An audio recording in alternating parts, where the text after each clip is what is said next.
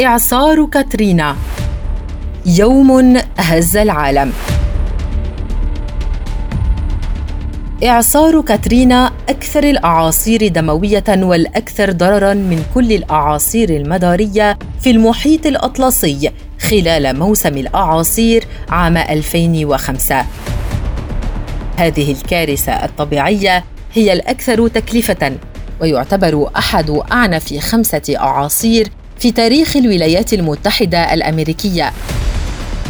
ويعتبر سابع أكبر أعاصير المحيط الأطلسي على الإطلاق.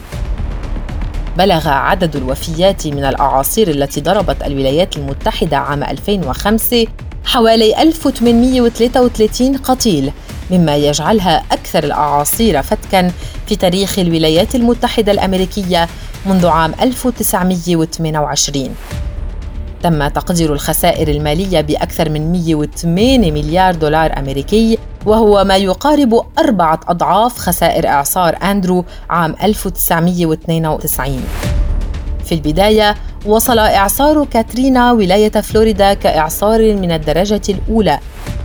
بعد عبوره ولاية فلوريدا ازدادت قوة كاترينا لتصل إلى درجة خمسة بريح سرعتها 175 ميل بالساعة أي 280 كيلومتر في الساعة.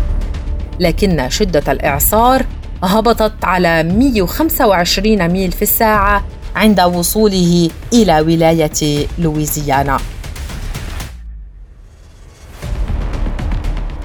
كان ذلك في أواخر أغسطس من العام 2005